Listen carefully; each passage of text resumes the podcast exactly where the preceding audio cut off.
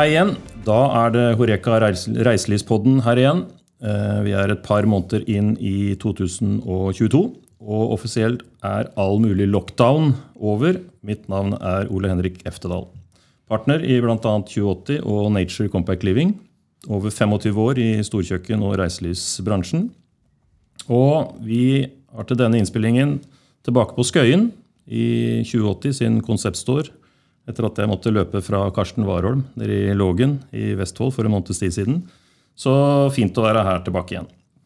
For å ta imot dagens gjest, og det er ingen mindre enn den personen som styrer Thon Hotels, sammen med Olav selv. Og det er langsiktighet og ikke minst plan som råder i Thon-imperiet. Det er én av de tingene vi skal prate om i dag. Så hjertelig velkommen til deg, Morten Thorvaldsen. Tusen takk, og tusen takk for invitasjonen. Og eh, ikke minst så har ikke jeg løpt hit, men jeg har tatt drosje jeg, fra et sted til et annet. Veldig fint å ha deg her. Um, det er jo litt sånn dagsaktuell skal det være i den poden her. Um, så, men litt sånn innledningsvis. Vi kommer tilbake til litt uh, korona og sånt nå etterpå. Men er ikke det ene, så er det det andre. Uh, for en uh, ganske prøvet verden, kan vi si. Nå er det Ukraina og Putin og Russland. Og det er ikke noe politisk podkast her, men uh, hva tenker vi om det? Det er jo rimelig uvirkelig at uh, det er krig i Europa i det året vi er inne i nå, 22. Ja, jeg uh, har tenkt veldig mye på det. Og i forhold til altså, hva kan virkelig skje videre fremover. Nå har vi hatt, som du sier, covid, mm. og så kommer da denne krisen her. Og eh, vi må jo bare håpe at eh, det ikke sprer seg, og at vi allikevel greier å holde humøret oppe. Mm. For eh, vi må ikke se helt mørkt på det, sånn sett. For hvis vi ser helt mørkt på det, så blir det en utfordring. Mm. Men at krisen er der, og at det går inn på oss alle sammen, det, det gjør det. Mm. Ja, det er en sånn, Vi snakka litt om det før mm. vi satte i gang her. Det er en sånn usikkerhet som brer seg på mm. Det er umulig å si selvfølgelig noe om utfallet. Men uh, det ser litt sånn uh, Det er ganske krøkkete nå, for å si det sånn. Vi er midt oppi det. og i hvert fall jeg er sånn at jeg, Det første jeg gjør på morgenen, er å se hva som har skjedd ned på, litt i, nede i Europa når jeg våkner om morgenen. Og det er jo ikke, det er ikke heldig. Nei, Tidligere så var det første vi tittet på, det var ja. hvor mange er nå smittet, mm, og, og hvor mange ligger på sykehus osv. Men nå er det jo enda mer alvorlig, da. Mm. Altså, det er altså hva har skjedd i natt? Og det er jo nære grensene til eh, Nato-land, så mm. jeg må si at eh, når du står opp, så står du opp med en litt sånn eh, litt klump i maven. Ja. Men vi må jo håpe at hele det russiske system tar til eh, vettet. Ja, det, ja, Jeg kjenner at det går litt innpå oss. Og det er eh, for så vidt alle en prater med. Det, det er noe som eh, Det er så uvirkelig, og vi vet absolutt ikke utfallet, som sagt. Nei, og vår næring er jo veldig sårbar mm. akkurat når det gjelder endringer i verdensbildet generelt sett. Mm. Så vi er avhengig av at folk kan reise og tør å reise. Mm. Og uh, vi får håpe at uh, vi får en like god sommer som vi nå har hatt de to siste årene. Ja, ikke sant? Så at uh, folk da også reiser, og ikke er redd for å reise mm. innenlands også. Mm. Nei, Det blir spennende utover i mars. mer spennende enn det vi noen gang kunne se for oss. Vi så ikke det her komme heller. Men du, eh, Da kan vi gå til start, nesten. Fordi... Ja, det var godt. For det var en ja. sånn eh, triviell eh, start på uff. Vi må komme ut av det. Det er virkeligheten. Ja, det er, virkelig, ja, det, er det som er forferdelig. Men du har vært i Ton i snart 40 år. Eh, helt fra det, het, eller fra det startet Rainbow Hotels og snart vært konserndirektør hotell, i hotell- og restaurantvirksomheten nesten like lenge. Mm -hmm. Så er det én ting du har uttalt som jeg syns er så flott. Det er mange ting i denne poden her som jeg syns er flott når jeg kommer nedover. Men du har uttalt 'det jeg har lært, det har jeg lært av Olav'. Fortell åssen det har vært å være i Ton.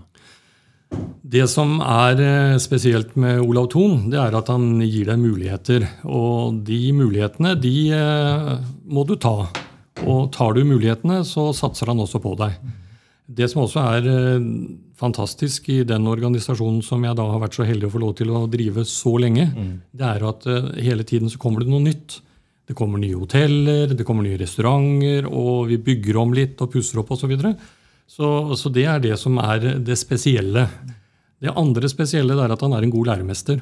Og jeg har lært eh, enormt mye av han i forhold til både hvordan man skal opptre, hvordan man skal tenke, hvordan man skal investere osv. Og, så og de tingene har jeg tatt med meg. Og vi får være glad, glad, for at eh, det har gått bra så, så lenge som det har. Og eh, jeg har måla meg til å ja, kanskje ikke sitte like lenge som Olav Thon, for han er nå 98.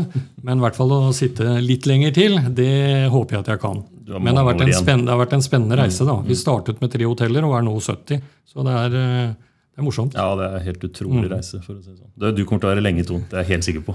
Du kler det. Men åssen havna du i bransjen? Er, og Du kom jo ganske fort under jeg skal si, for Olav Thons beskyttende og mm, forstandige vinger. Du jeg havnet i bransjen mer eller mindre ikke med en tilfeldighet. Det var faktisk et mål. Mm. Jeg hadde en eh, bestefar som var veldig bevisst på én ting. Det var at eh, du må få deg et fagbrev i startfasen. Og så må du bygge ut ifra det fagbrevet. Bra. Og, og, det har jeg vært veldig be, bevisst på hele tiden. Og så har jeg vært så heldig at jeg har hatt en, en bestemor som har vært flink til å produsere mat fra bunnen av. Og det har jeg vært veldig engasjert av. Så, og da fant jeg ut, etter eh, råd i, på ungdomsskolen mm -hmm. Og det var faktisk en rådgiver som heter Mose Jørgensen, som faktisk også startet uh, Oslo private gymnas, hvis jeg ikke husker, eller, eller, husker, helt feil. Mm. Men uansett da, så sa hun det at uh, du kommer og spør meg om råd, Morten, men hva er det du er mest interessert i? Og så sa jeg per tid så er det jo det å lage mat og mm. utvikle mat osv. Så, videre. så sa hun det at da syns jeg du skal ta kokkeutdannelse. Hun skjøv deg i rette retning. Yes. Ja, ja. Ja, Det har ikke vært dumt å ha mm, Nå skal jeg ikke begynne å snakke for min egen del, men jeg også har et, eh, et fagbrev i bånn, for å si det sånn. Så mm, det er, det er, alltid smart å ha noe som en kan eh, ha helt der fra starten Ja, Det med yrkesfag det tror jeg er mm. Eh, litt sånn underkjent i forhold til egentlig hva, hva slags betydning det har. Mm. Og jeg tror det er også veldig greit å ha både et fagbrev, yrkes, yrkesfagbrev, men i tillegg til det å ha jobbet litt, som jeg pleier å si, på gulvet. Sånn at du vet også hva de du skal lede, hva de har å forholde seg til. Mm. I forhold til stuepike, i forhold til vaktmester, i forhold til kokk, servitør osv. Og, så og jeg har vært i alle, alle mm. segmenter. Mm. Og jeg hadde jo en sånn liten artig historie. Jeg hadde jo en konkurranse med, nei, med husøkonomene mine på messa vår oppe på Gardermoen. Mm. Og da var det å se hvem som kunne re sengen raskest med den beste sengestrekken. Mm. Men det jeg ikke sa, det var at jeg har vært et år i Forsvaret og eh, under kaptein Sjurseth. Det fortalte jeg ingen. sånn sett. Så jeg vant. Ja, det gjorde det? Gjorde det? det, det var gledelig. Det var gledelig. Og da må jeg si at de Ja, da får du anerkjennelse. Ja, det gjorde det. Ja, altså. Så det var, eh, det var artig. Mm. Og det som var mest morsomt, det var at jeg da kunne ta femkroning og bare slippe ned på sengen, og så spratt den opp. Og det, det, var, det var, morsomt. Ja, det har vært helt enormt. Ja. Det er noen. Åpen konkurranse. Ja, det er noen ja. gleder her i livet òg. Ja, ja, ja, ja. Jo, men da, du steller deg for hogg, da. For ja, si det sånn. Ja, det gjør du. Det gjør du. du eh, hvordan har utviklinga vært eh, når du ser deg i bakspeilet, for å si det sånn. Dere er jo, Jeg kjenner dere gjennom en eh, syv-åtte år etter hvert. Og dere er jo veldig strategiske, spør du meg. Og er en strategisk, så har han gjerne noen gode planer. Er, hvordan er hovedtankegangen? Hovedtak. Ja, nå spør du vanskelig. nå spør du vanskelig, Det er litt av bedriftshemmeligheten. Ja, Hva kan du innrømme? Nei, hva, kan du komme, ja, hva, hva, hva, kan du komme med? Nei, altså Det som er eh, utrolig viktig, det er for det første at du setter opp et hotell, skråstrek restaurant, der hvor det er behov for det. -hmm. Det er eh, det viktigste. Og så må du lage en analyse og se på altså, hva er det vi egentlig trenger av hotell, skråstrek restaurant. Og når alt dette er gjort, så ser man litt etter eh, altså beliggenheten. Hvor bør det ligge hen, f.eks. i Tromsø, Bergen, mm. Trondheim osv. Eller sågar i Nordheimsund, for den saks skyld. Mm. Og så finner vi ut av det, og det bør være et hotell som er med kurskonferanse, det bør være en god restaurant osv. Og, så og så legger vi frem det forslaget for Olav Thon. Ja, Og det er bestandig gjort. Og så får vi da enten ja eller nei. Eh, og eh, ut ifra at vi har 70 hoteller i dag, så har jeg, vi har jo fått, fått mye, noen ja. noen, noen ja. Og, og det er jo det som er spennende. Men, men i hvert fall det som er utrolig viktig når man skal bygge ting, og man skal lage butikk eller man skal lage restaurant, eller hva det er, så er det beliggenhet, beliggenhet, beliggenhet. Og så må det være inngang fra gaten. Utrolig viktig. Ja, det er nok eh, det er helt riktig. Nå tok du en del av de spørsmåla som jeg hadde, faktisk, fordi du ramser opp eh, det meste av det, for å si det sånn. Eh, jeg tenker på Jeg har vært i Brussel på jobb for dere flere ganger, sammen med Giske, som du kjenner, i 2080. Ja, Fantastisk flotte hoteller, fantastisk flott by. Hvordan, eh, jeg har hørt en historie på hvorfor Thon har hoteller i Brussel. Men er den, eh, hvordan er den? Er den, til, er den litt tilfeldig? Det er vel litt tilfeldighet, Mm. ja. Det, det, det tror jeg. Men det startet jo med at Ola Olav Thon kjøpte en bygning. Og den bygningen bygde han om til det belgiske finansdepartementet. For det var jo litt dårlige, dårlig tider i Belgia akkurat Mm. den perioden. Og så bygde han den engelske ambassaden, og så leide ut til de. Og så var jeg så heldig at jeg fikk lov til å være med han ned. Og det var første gangen jeg var i Belgia. Og det var første gangen jeg var på en flyplass hvor det var vegg-til-vegg-tepper i alle korridorer. Ja, ja, ja. Det var helt utrolig. Men, eh, og, og da gikk man rundt og tittet, og så sa Olav Thon at dette tror jeg kommer til å bli hovedstaden i Europa. Oi. Og, eh, og så kjøpte han Bristol Stephanie, og så kjøpte han Stanhope, og så kjøpte han Brussel Airport, og så kjøpte han da det som nå er City Center, det store hotellet vårt, Ja, og så kjøpte han EU. Og EU-hotellet, det er det som var da ombygd til Finansdepartementet og den ja, engelske ambassaden. De flyttet jo ut, Mm. og så bygde Thon om det til hotell. Og så har vi to leilighetskomplekser også Ja. der nede. Så, og Belgia er et uh, spennende land. ja. Men det som er utfordringen der nede, det er jo at det er jo mange som styrer. Mm. Og det vil si at det er sånn som f.eks. i Belg, altså i Brussel sentrum, så er det jo fem kommuner. Mm. Og det vil si at det er litt utfordringer. Ja. Men, det, men det er et eh, fantastisk land. det er det. Ja, og fantastisk by, for å si det sånn. Da... Ja, utrolig godt øl! ja, og gode blåskjell. Ja, ja blåskjell. Pommes fritesen er best. Da. Ja, syns du det? Ja. Eh, jeg må nesten spørre om det. Og Sverige? Dere er jo så smått inne der. Har, har du noen planer, eller? Ja, vi har noen planer. Det har vi. Og det er rett og slett at vi prøver nå å få samarbeidshoteller. Ja. Prøver vi å få der. For det er vel det som er eh, det enkleste per tid. Mm. Og vi greier å få noen. Vi har fått et hotell som heter for eh, Kungstregården. har vi fått, Og Mm. så har vi fått nå også Kong, eh, Kongsbroen. Så, så vi har to hoteller i Stockholm. Og vi kommer i Danmark. Og så jobber vi med Finland. Og så jobber vi med Island. Vet alle dere her, eller? For nå Nei, nå, det- men det er, nei, det er en liten bedriftshemmelighet, da. Men eh, ja, ja, Okay. Vi tar det. Ut, ut, ut må det. Ja, Ja, det det er fint at vi kan Og så er det jo greit sånn for eh, de da konkurrenter som hører på, at de hører i hvert fall at vi tenker på videre utvikling. Mm. Ja, ja, ja, ja. Jeg tror ikke de er i tvil. Men det var fint å høre det. For det, jeg har fått med meg at det er noe i gjære, for å si det sånn. Så det er supermorsomt. Må nesten si det. 2080 har vært følgesvenn for Ton siden 2015. Da var vi heldige og fikk eh, konkurrert oss til en, eh, til, å bli en leverandør. Og det har jo skjedd enormt mye eh, på FNB-fronten siden det. Det er eh, det løftet som kom, eller løftet som kom, er nesten en sånn eh, paradigmeskifte eh, skifte på hva som skjedde før og etter. For det, var, det må ha vært en kanonklar satsing, rett og slett. Ja. Eh, Det begynte faktisk i 1989. Det var da det Å ja, Da jeg startet eh, Cecil Hotel. Ja, ja, okay. For da var det liksom standard med servelat og salami Ja. etc. Og eh, jeg mente at vi, det, det er tre ting som du må ha. Du må ha en god frokost, Mm. og du må ha en god seng. Og så må du ha god service i resepsjonen. De trengene må ligge som et fundament for at du skal drive et bra hotell. Men i hvert fall på Cecil Hotel så startet jeg da og var veldig opptatt av at vi skulle ha god frokost. Det skulle være mulighet for kveldsmat, og det skulle også være mulighet for eh, vafler og kaffe på ettermiddagen. Det var nesten banebrytende den gangen. det. Ja, lite grann. Jeg Mm. må jo si at jeg hermer kanskje litt grann etter Home Hotel akkurat når det gjelder kaffe og vaflene. Jo, jo, det, men det- Men når det gjelder frokosten, så var vi banebrytende. Men så etter hvert så ble det jo veldig at uh, frokosten kom mer og mer Mm. inn i hotellbransjen. Og den som egentlig var, er eh, foregangsfigur der, det er Bjarte Gjerde på Nidelven. Mm. Ja. Og jeg irriterte meg hver gang da han den når han fikk den tekannen fra Twinings. Ja. Så jeg bestemte meg for at nå nå er det vår tur. Nå skal det gjøres noe. Og derfor, så når vi da startet på Tone Hotell Lofoten, så Stemmer ja. var det, det var der det startet, hvor vi da begynte å utvikle frokost på en helt annen måte. Og hvor vi begynte å åpne kjøkkenene, sånn at eh, man ser inn på kjøkkenene hvor kokkene står og lager, eh, lager eh, omeletter og det hele. Og, og så har vi utviklet dette videre. Og den som da var med og utviklet det, det var jo Martin Land Ja.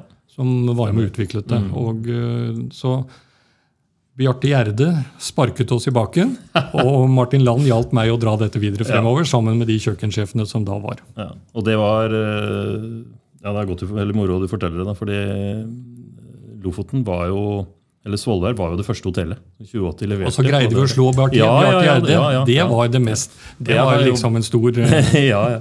Jeg jobba sammen med Bjarte på mm, Han var jo prosjektleder på Britannia, som Mm. vi snakka om i stad. Så jeg har vært mye på, både på tur og på bedriftsbesøk. og Fantastisk flink kar. Altså. Mm, Ja, Så- utrolig. Og godt at han fikk en ut av, av eh, Nidelven. Ja, men eh, Nidelven har likevel Ja, ja, greid det greid det videre fremover. Det nok- Men uh, det står stor respekt av det Bjarte Gjer- Gjerde har gjort i restaurant- og hotellbransjen Ja, generelt. ja, han har jo vært en, en nestor, for å si det sånn. På, Han og Ole Jakob Wold. Det var de som liksom sparket i gang. Du, eh, du har eh, en del eh, utnevnelser, holdt jeg på å si. På, du er æresmedlem av den prestisjefylte hotellskolen Cornell. Ja. Er, eh, det er hyggelig å arbeide med unge ledere og unge medarbeidere. Blir satt pris på, sier du blant annet. -hmm. Forhold til det. Fortell. Ja, hva, hva skal man si om det? Altså, å være æresmedlem i Cornell er jo, det er noe, det er noe stort. Det er det. det, er det, det må jeg si. Og det setter jeg veldig stor pris på også, at jeg, at jeg er, og, og ble utnevnt. Men det jeg er veldig opptatt av, det er videreutdannelse for de unge medarbeiderne som vi har, som ønsker å skape en karriere i vår bransje. Og da må vi ha skoleverk som legger ting til rette. Og jeg syns det er veldig synd at vi ikke setter mer pris på Norsk hotellhøgskole enn eh, det som blir gjort. Og jeg må jo si at jeg med stor skrekk i sensommer at man fikk beskjed at eh, Universitetet i Stavanger hadde tenkt å flytte hotellhøgskolen. Og her har vi da lagt ned mye penger, for det første, og vi har laget et eget hotell som også driftes i forbindelse med hotellhøgskolen. Og at ikke da akademia setter mer pris på faktisk at uh, dette er en næring som har levd i mange, mange år, og en som også vil leve i mange år videre fremover i tid.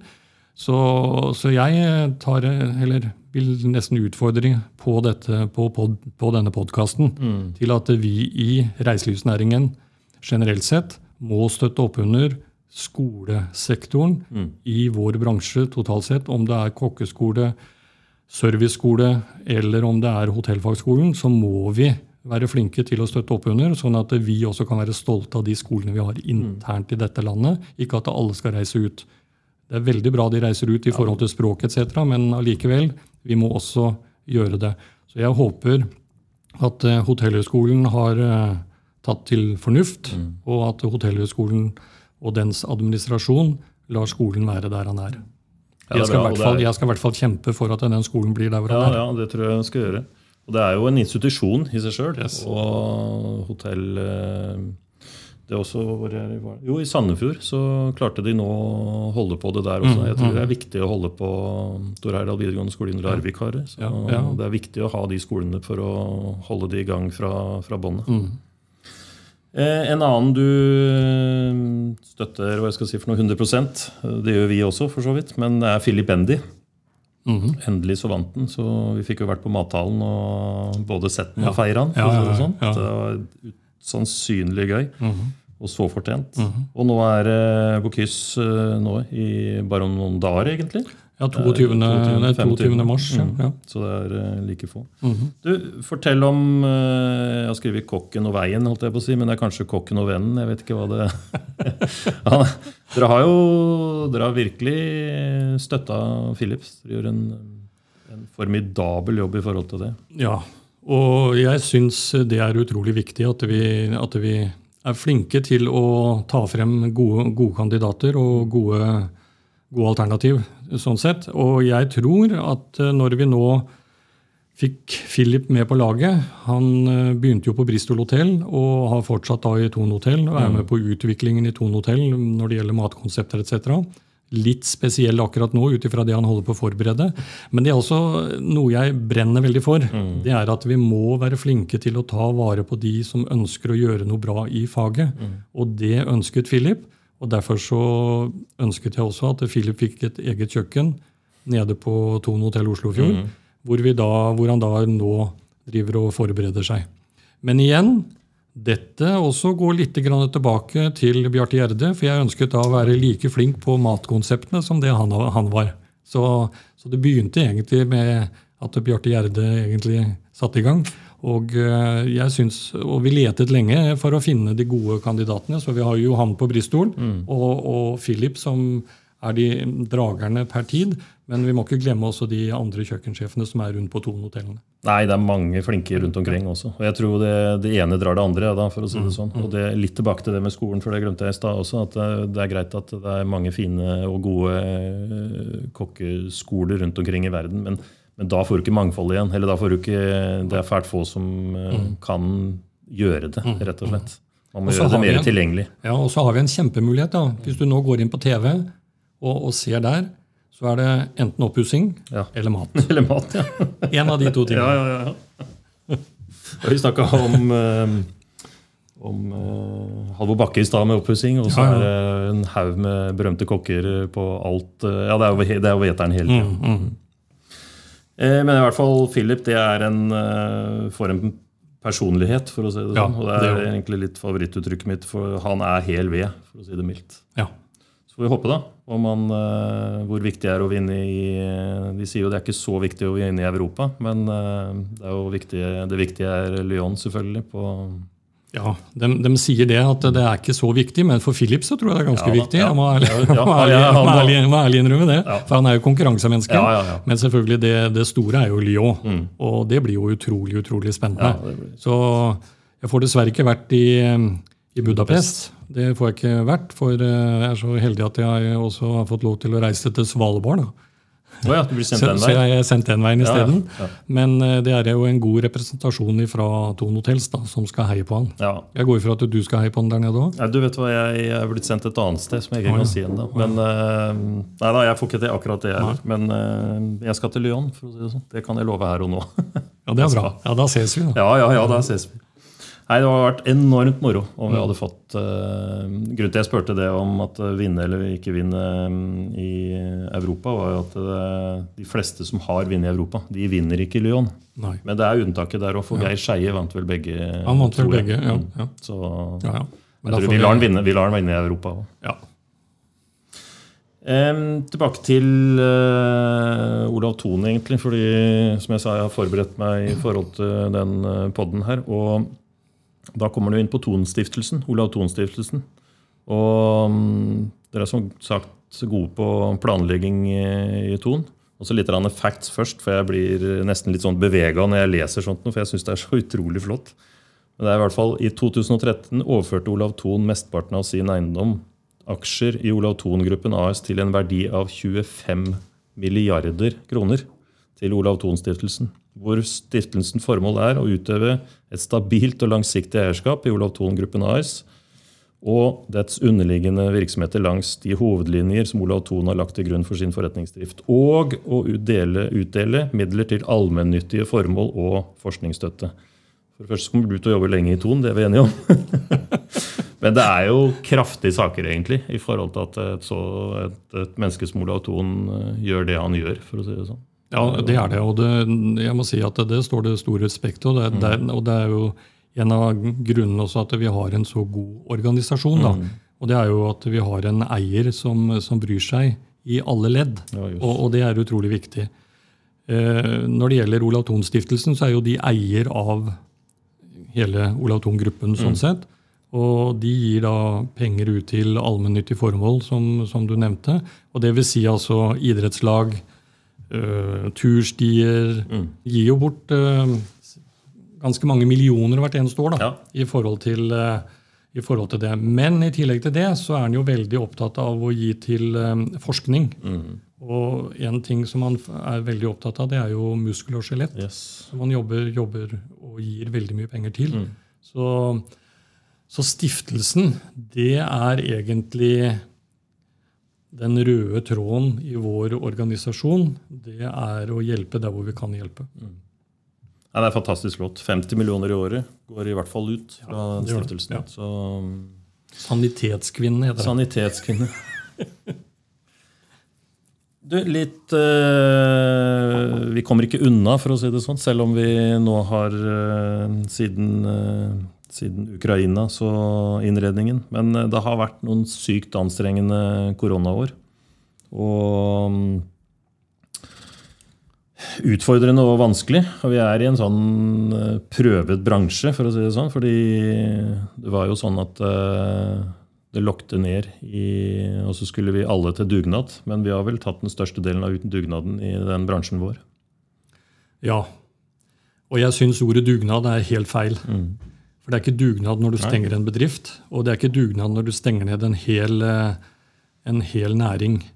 Eh, Jeg må jo helt ærlig si nå at eh, nå treffer du litt nervene hos meg i forhold til det jeg syns har vært så urettferdig i forhold til pandemien.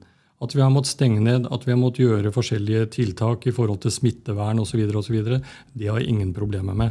Men at vi egentlig sånn i ettertid skal sitte med regningen i forhold til at det er lite støtte Det var veldig lite forutsigbarhet. Altså Det var pressekonferanse klokken syv om kvelden, og så fikk du beskjed om eh, Ja. i morgen kan du åpne. Så, så det, det har vært tungt. Vi har stengt ned hotellene våre altså totalt sett tre ganger. Og vi har permittert to. Og siste gangen, da var jeg veldig opprørt Ja, i forhold til at uh, jeg kan ikke permittere mine ansatte for tredje gang. Og eh, jeg mener at da må staten inn med noe penger i forhold til eh, dette med arbeidsledighetstrygd osv. Og, og da forlangte vi faktisk en lønnsstøtteordning. Mm. Det lå langt inne, Ja, men eh, jobbet døgnet rundt for å få det til. Og der må jeg si takke både Torgeir Silseth i Choice og Asle i, eh, i Scandic. Og ikke minst også André i, eh, på The Hub. Og også NHO Reiseliv med Kristin Krohn Devold. At vi sto samlet alle sammen for å få til dette, det var utrolig utrolig viktig. Og, og vi fikk det til. Men når man ser sånn i ettertid, så syns jeg at eh, vår næring blir alt, altfor stemoderlig behandlet. Og det vil si at eh, jeg har liksom ikke noe Det er ingen unnskyldning eller kunne vi ha gjort noe annerledes osv. Det er ikke spørsmål i det hele tatt. Og jeg må jo si at det som egentlig var det store spørsmålet, det var jo idet pandemien satte i gang, og idet den sluttet, så snakket man hele tiden om alle de som lå inne på intensivavdelingene. Ja. Og, og det var noe, det var noe vel, vel og bra. Men da syns jeg også det er merkelig hvis du går og ser når pandemien starter, så er det x antall plasser i intensivavdelingen, og pandemien går ut, så er det ikke en en eneste ekstra plass. Og jeg syns at eh, politikerne har gjort en veldig, veldig dårlig jobb i forhold til hvordan de kan da støtte vår næring, og hvordan de kan egentlig se på mulighetene for oss. For jeg må jo si at det med å fjerne skjenkingen for at du da kan sitte f.eks. på Bristol hotell og ta et glass rødvin til en middag osv. Altså, så jeg syns det var veldig mye sånn i alle, retninger. Så det som eh, Sånn summa summarum så håper jeg vi har lært veldig mye av denne pandemien i forhold til å stenge og hva vi skal gjøre osv. Og så håper jeg egentlig at man tenker seg noe mer om og lager rett og slett en beredskapsstrategi i AS Norge. Hva gjør vi når dette skal hvis dette skjer igjen? For det kommer en pandemi igjen. Ja da, helt, ja. helt sikkert. Ja. Men jeg syns at eh, det blir alt altfor mye synsing, også fra helsesektoren, i forhold til eh, hva vi bør gjøre, og hvordan vi bør gjøre det. Og du kan jo se, bare sånn avslutningsvis, da, hvor vi hadde denne meteren. Ja. Og hvor da statsministeren står på en kro i Tromsø, og så sier han at ja, ja. Ja, ja. Ja, ja. Det, det går ikke, vet du. Nei, jeg er litt i tvil òg, da, når en eh, først er inne på det at eh, med intensivplassene, som du sier, som er akkurat like i antall når en går inn i pandemien som ut av pandemien, så blir ble jeg litt urolig for eh, den tiltaksplanen som de skal klare å Den må de den må de jobbe opp, for å si det sånn, og ikke bare prate om. Det er helt nøyaktig to år siden siden vi var oppe på Thon hotell på Gardermoen, på Thon-messen der oppe, hvor eh, vi var 700 feststemte eh, på messe og på den banketten. For så vidt som vi satt på samme bordet. Og 2080 med Arne Hjeltnes på scenen ble ja. kåra til årets leverandør. Vi har jo Blankettens danspakke her. Og lite visste vi da at det skulle gå så gærent bare noen uker etterpå. Så det har vært uh, uvirkelige tider, for å si det sånn. Fra champagne. For jeg kjøpte en sykt dyr champagne. Det er en, en litt uh, god historie i seg sjøl. For jeg var jo så opptatt uh, av at vi skulle ha champagne når, at vi, når jeg fløy bort til baren da, og så sa jeg to champagne, og det hadde de. Og så fikk jeg servert de på disken, og så var det to Krüg. Så når regninga kom på 5000 kroner, eller noe sånt, så kunne jeg ikke levere det tilbake igjen. For da står det kø bak meg, og det hadde vært litt flaut. for å si det sånn. Men, um, Men da fikk den, du rabatt? Ja. ja, jeg, for, ja, det er mulig. Ellers har jeg bare fått uh, tatt det vekk fra hjernen min. for å si det sånn. Men uh, nei, det var verdt det. Det, det var, var god champagne, da. Ja, veldig god. Veldig god. Sånn, når vi Litt tilbake for å avslutte den der på Nå sitter vi litt som en fasit i hånd på en måte. Er det noe som kunne vært gjort eh, annerledes når en tenker litt sånn eh, Er det noe sted en burde Nå tenker jeg fra myndighetenes side. Burde gjort det annerledes? Eller er det det samme? som Det en Det de burde gjort annerledes, det var faktisk at de burde hatt disse støtteordningene. Burde vært bedre. Og de burde vært mer langsiktige. Og det burde ikke vært, ja, det burde ikke vært nødvendig å stå og diskutere det i ettertid. Det burde egentlig bare ha hostet opp. Du ser jo nå også med strømprisene mm, ja. og hva de tar inn da av strømpriser. Og nå var det vel Fleischer hotell som hadde en omsetning på 730 000 og hadde en strømregning på 350 mm. Det sier jo litt. Ja, nei, Men bedriftene skal ikke få noe rabatt i det hele tatt. Nei. De skal gå Så det vi, har, det vi, egentlig bør lære, det er at eh, det bør være klare strategier på hva de har tenkt å gjøre. sånn at det, altså En lik beredskap som det vi har i bedriftene. Mm. De burde lære litt av bedriftene. Ja, Det er jo helt parallelt. Ja, det, helt parallelt. Ja. Du, eh, siste på det. Eh, vi snakka om fagarbeidere i stad, og vi snakker om eh, arbeidere eller eh, ansatte i eh, hotell og restaurant. Og reiseliv for øvrig. Vi har mista masse masse mennesker og masse masse kompetanse. Hvordan, mm. hva, hvor vondt er det, og hvordan skal vi komme på, kompensere det opp igjen? Uh, ja. For det første så er det jo selvfølgelig vondt. Mm. Det er det. Og at vi har mistet uh, mye gode mennesker. Yes. Det har vi gjort. Og på en måte så kan man jo forstå det. Man, liksom, når permisjonen henger der for tredje gang i løpet av ett og et halvt år, ja. så er jo det tungt. Jeg tror at dette løfter seg igjen. Mm. Det, det, tror jeg faktisk. Vi ser jo nå etter hvert også at folk kommer tilbake. Mm. Og, så jeg ser litt lysere på det. Ja, det, det, gjør jeg. Mm. Men det som kanskje er en utfordring, ikke bare kanskje, men det som er en utfordring, det er jo folk som da kommer fra andre steder enn Norge. F.eks. Litauen, mm. Sverige, Danmark, Tyskland, Frankrike. De er litt vanskeligere å få inn i Norge igjen, mm. for de er usikre. Så, så, det tror jeg, der kommer nok eh, den store utfordringen til å ligge. Men så ser vi også at eh, det er faktisk reiselivsnæringen som nå gjør at eh, Nav tallene går ned. Ja. For det er vi som tar inn ja, flest tar mennesker. Inn ja. mm. Og det håper jeg at politikerne får med seg. Og egentlig så burde du sendt denne podkasten rett inn i stortingssalen. Ja, Nei, men det skal vi ikke prøve det. vi har vel noen kjente begge to som vi kan prøve å stimulere på. Mm. Eh, det er jo fint å høre på det, for å si det sånn. Og eh, jeg har satt opp noen huskegreier for meg her. Og det, du er engasjert. Og ikke bare som direktør i egen organisasjon, men eh, du har eh, engasjementer der ute. Og er jo en ekstremt viktig talerør for Horeka og reiselivsbransjen.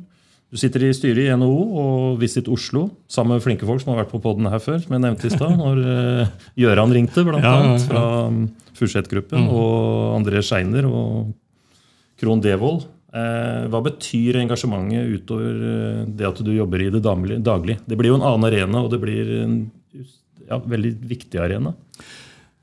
Jeg syns det er utrolig interessant å få lov til å være med og utvikle bransjen. Og fortelle egentlig hva bransjen har av utfordringer. Og det andre som jeg syns er interessant også, det er at vi får lov til å være delaktig i å, legge premisser videre fremover i tid. Og så er det å få kontakt med næringen generelt sett, og høre hva naboen gjør. For han har mye og mange ganger akkurat de samme problemene som det jeg har. Så, så, jeg, så engasjementet det tror jeg er viktig også i hele næringen, for å også vise at vi er interessert i det vi holder på med. Ikke bare sitte innenfor vår egen lille sfære. Og så er det det å eh, få kontakter og være med å påvirke. Og Det er jo det du sa i stad også, da, med at eh, når en står samla med både NHO og andre direktører som Torgeir Silseth og mm, Det er klart det trenger bransjen, for å si det sånn. For ellers så blir det mm, litt fragmentert i forhold til at en står på hver sin tue igjen. Og, så det er viktig. Og så det- Altså, ja. tror jeg, det jeg tror også er viktig, det er at eh, man ser på eh, de store kjedene veldig ofte som store, tunge mastodonter osv. videre. Vi må huske på at vi må bestandig ha et fyrtårn. Og det, i det fyrtårnet så er det noen hotellkjeder, og de drar, er med å dra lasset. Og, og vi drar lasset for mangfoldet. Vi drar ikke på lasset for oss selv. For det kommer ikke bare folk for å bo i hotellet, det kommer også for å bo på småhotellene rundt omkring i distriktene. Så det er viktig at eh, vi som eh, kjede også snakker bransjen totalt sett opp. Det er viktig. Eh, og så er det jo sikkert morsomt å treffe andre engasjerende mennesker òg, som eh, er både taletrengte og talerør på, fra sine organisasjoner. Ja, og det som er mest eh, spennende egentlig med det, når du treffer andre mennesker, det er at det er ikke alle som er enig med deg. Nei. Og da blir det litt spennende. Ja, ja. Men i den sfæren der så skjer jo, kan det jo skje veldig mye også. Ja, så, eller det er det det gjør, for å si det sånn. Masse. Og så er det jo ja, det er som du sier, det er jo viktig at eh, nesten et krav at Ton er med. Og mm, både i NHO og reiseliv og, i, og er der det skjer. For å si det sånn.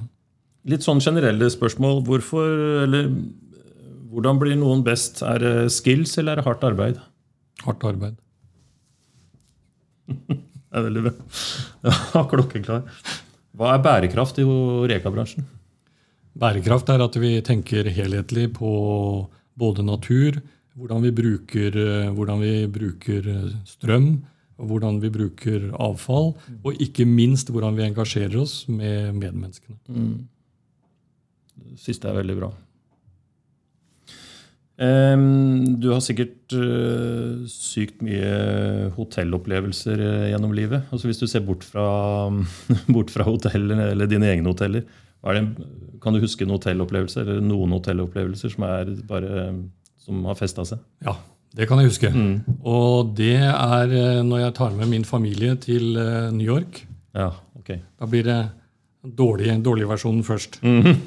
Da skulle jeg virkelig slå på stortromma, så jeg sjekket oss inn på Waldorf Astoria. Ja, Mhm, Veldig fint. Ja. Kom i en taxi under den garasjen der og ble vist opp i, til rommet og det hele. Og så kom jeg opp på rommet, og eh, det er det verste rommet jeg har bodd på noen gang. i all verden. For det første så var det så fuktig på rommet, og jeg overdriver Altså, det var eh, ekskrementer på veggen. Badekaret var det en rustflekk som var eh, 20 cm stor. Og det lå gamle håndklær på, Og der skal være femstjerners? yes, på, på gulvet. Så går du ned i resepsjonen og så sier du at eh, her kan jeg ikke bo. Masse frem og tilbake. Og vi får et rom som er enda verre. Og da, og da Nei, Ja. det må du i hvert fall stryke. ja.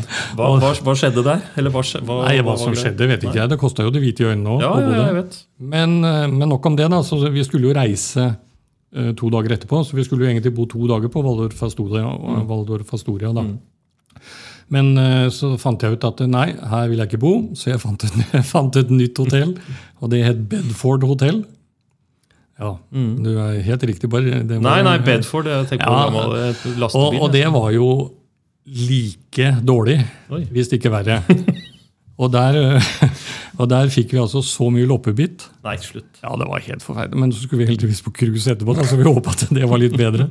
Og så skulle jeg åpne vinduet, på, for det var veldig veldig fuktig på badet. Så jeg åpnet da vinduet på badet og så rett inn i en murvegg. Så tenkte jeg dette er reiselivsnæringen Ja, på, på det verste. på Ja, og det også.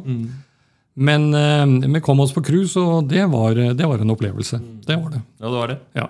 Så det er det, det, det, verste, verste. Men uh, utover det så er det jo selvfølgelig mine egne hoteller som er det beste. da. Ja, sånn sett. jeg. Det, Ja. Men jeg kan, jeg kan trekke frem ett hotell som er veldig bra, som ikke er i kjeden, men som er i, um, i Classic Norway. Og det heter Angvik hotell. Ja. Angvika det er helt fantastisk hotell å bo på. Altså service, øh, opplevelse, alt sammen. Det er, det, og det var det rake motsetninga da å være i New York. New York, altså. Ja. ja, det var kraftig opplevelse, for å si det sånn. Ja, det var helt- ikke, ja, og jeg glemmer ikke når jeg kom inn på toalettet der og så det håndkleet, og i tillegg til det at det var eh, ekskrementer på veggen. Altså. Og det var altså det var ikke bare en liten flekk. I all verdens Ja, det, var helt, det var helt utrolig. Jeg, var, jeg, var, jeg har vært i New York jeg har vært i, i lobbyen der. Det eneste bare for å innom og se. Ja. for å si det sånn. Men det var godt jeg ikke bodde der. da. Ja, det var helt... uh... Lykke.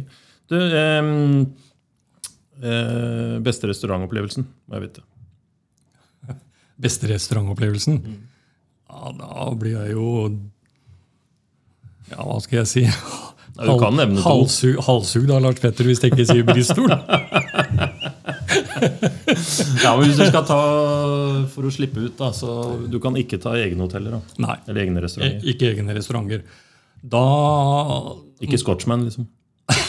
Nei, da tar jeg Sir Winston. Ja. Nei, Den beste restauranten som, eh, som jeg har eh, vært på og spist Jeg har jo vært på noen, da. Men jeg må nok si det at det er eh, Brasserie St. George i Brussel. ja. Maken til eh, Der kan du velge pommes frites om du skal ha sted, kokt det i hestefett, andefett, gåsefett eller vegetabilsk fett. Sier du det? Ja. Eh, Og det er helt altså Kjøtt og alt sammen er helt fantastisk. Det er, den, det er den beste restauranten. Og dit må jeg hver eneste gang. Og da kjøper jeg bestandig tolv østers. Så, men, jeg kjøper, men jeg kjøper ikke Krüg, jeg, jeg kjøper litt lavere. Det skjønner jeg. Og så en ordentlig entrecôte. Ja. ja, Det må jeg bite meg merke i, for å si det sånn. Ja, den, den, er, den kan jeg ikke få fugler hos, den restauranten. Altså. Helt Nei, fantastisk. den skal, jeg, den skal jeg skrive. Jeg er i Antwerpen, mm. og det er ikke så lange veien unna. Så Nei. en gang iblant. Mm. Du, eh, du er jo kokk i utgangspunktet, så mm, hva lager du helst selv når du skal mm, kokkelere på kjøkkenet med gode kniver? Hvis jeg skal kokkelere på kjøkkenet med gode kniver, så lager jeg helst noe i forbindelse med det jeg har skutt selv. Og det vil si altså enten hjort, rådyr eller eh, rype. For eh, jeg er aktiv på jakt. Ja, og, og, og jakt og fiske syns jeg er veldig, veldig deilig. Og det er eh, punkt én når du sitter på post, f.eks. på hjortejakten eller rådyrjakten, så kan du tenke litt. Assosiere litt over livet, som man pleier å si. Ja. Uh, og det samme er det når du står i elva og uh, med flue, fluefiske.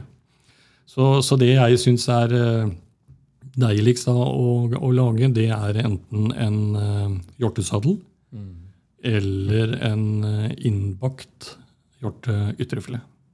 Oi, det må du nesten Og da trenger jeg ordentlige kniver. Ja. ja, Da skal ikke jeg spørre hvor de kom fra. Nei, nei, nei. nei. Det ble for mye av det gode. Ja, ja. Men eh, hvor er du på jakt? Det siste stedet jeg var på jakt nå, det var faktisk på, i Rindalen. Og da skjøt jeg en hjort på 135 kilo og eh, tolv tagger. Ja. Så der holder jeg på med bogmontasje, så jeg driver og diskuterer med fruen hvor jeg får lov til å ha den. ja, det kan jeg tenke meg. Ja, jeg var med til Ton opp til Kautokeino en gang. Den, Ja, eh, der er jeg på rypejakt. ja, du er på rypejakt der? Vidda, det er Ja, noe det helt spesielt. ja, det er altså. helt spesielt. Ja, ja. Og han kjentmann som nå driver hotellet der oppe, Odd Arne Hetta, Ja, ja. han er helt fantastisk å ta deg med ut og steker eh, Han er jo veldig glad i å steke ting da, i per margarin. Jeg trodde nesten ikke det fantes, så jeg har nå fått den til å begynne å bruke i hvert fall hvitseidsmør. Om ikke noe annet. Godt Men, eh, men han har lettrøkt eh, reinsdyrkjøtt som han da steker. Og så har du da hjemmelagd brød som du dupper opp i det smøret. Det er godt, altså. Det høres Ja, helt fantastisk. ut. Ja. Du, eh, går litt mot slutten. Jeg ser at vi holder sånn noenlunde tida. Så, mm, men helt til slutt, eller sånn helt nesten på slutten, tradisjon tro, så er det jo alltid en utfordring i den uh, Oreka reiselivspodden. Hvem person er det du kunne tenke deg å utfordre hvis det Det er vel ikke så mye utfordring å sitte her og, og, på en podkast, men eh, er det en du tenker kan være interessant for eh, lytterne? Ja, det tror jeg. Ja, sier jeg sånn. Ja. ja. Altså, Du kunne jo egentlig tenkt på en, eh, en i hotell- og restaurantbransjen generelt sett.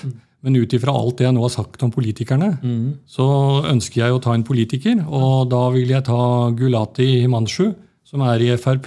Yes. Og uh, han syns jeg kan få lov til å svare litt grann i forhold til reiselivsnæringen. Han er også opptatt av reiselivsnæringen. Og, uh, så han syns jeg hadde vært en interessant person å utfordre. Superkult. Da skal vi prates litt etterpå hvordan vi skal um, få knekke den koden på å få den hit. Vi har hatt politikere her før, som jeg sa, med Mm. Bent Høie bl.a. Mm. de, de er til å snakke med, de også. Ja, ja. Men, uh, de Vi kunne jo prøvd Jonas Gahr Støre, da, men jeg er ikke så sikker på om vi greier å komme helt igjennom der. Nei, men jeg tror det er fint, jeg. ja. Yes, da mm, var det sånn, folkens. Da var denne podkasten med en av Norges mest eh, prisgitte og stabile hotelldirektører over. Veldig hyggelig å få det til. Eh, Vi snakkes på. Og først nå er det vel mm, Philip som skal ut i konkurranse i mars. Det blir spennende. Men veldig, veldig hyggelig å ha deg her, eh, Morten. Tusen takk for invitasjonen, og det var veldig hyggelig å få lov til å snakke litt fra hjertet. Takk. Ja, det har du virkelig gjort. Det har vært uh, suverent og akkurat sånn som jeg håpa. for å være helt ærlig. Stay tuned, folkens. Ha det. Uh, hjertelig takk til deg, Morten. Og som sagt, det jeg har lært, det har jeg lært av Olav. Og det skjønner jeg litt uh, hva du mener nå også. Så um, der har vært veldig mye. Veldig fint. Og du må hilse den. Det skal jeg gjøre. Det skal jeg gjøre. Takk skal du ha. I like måte.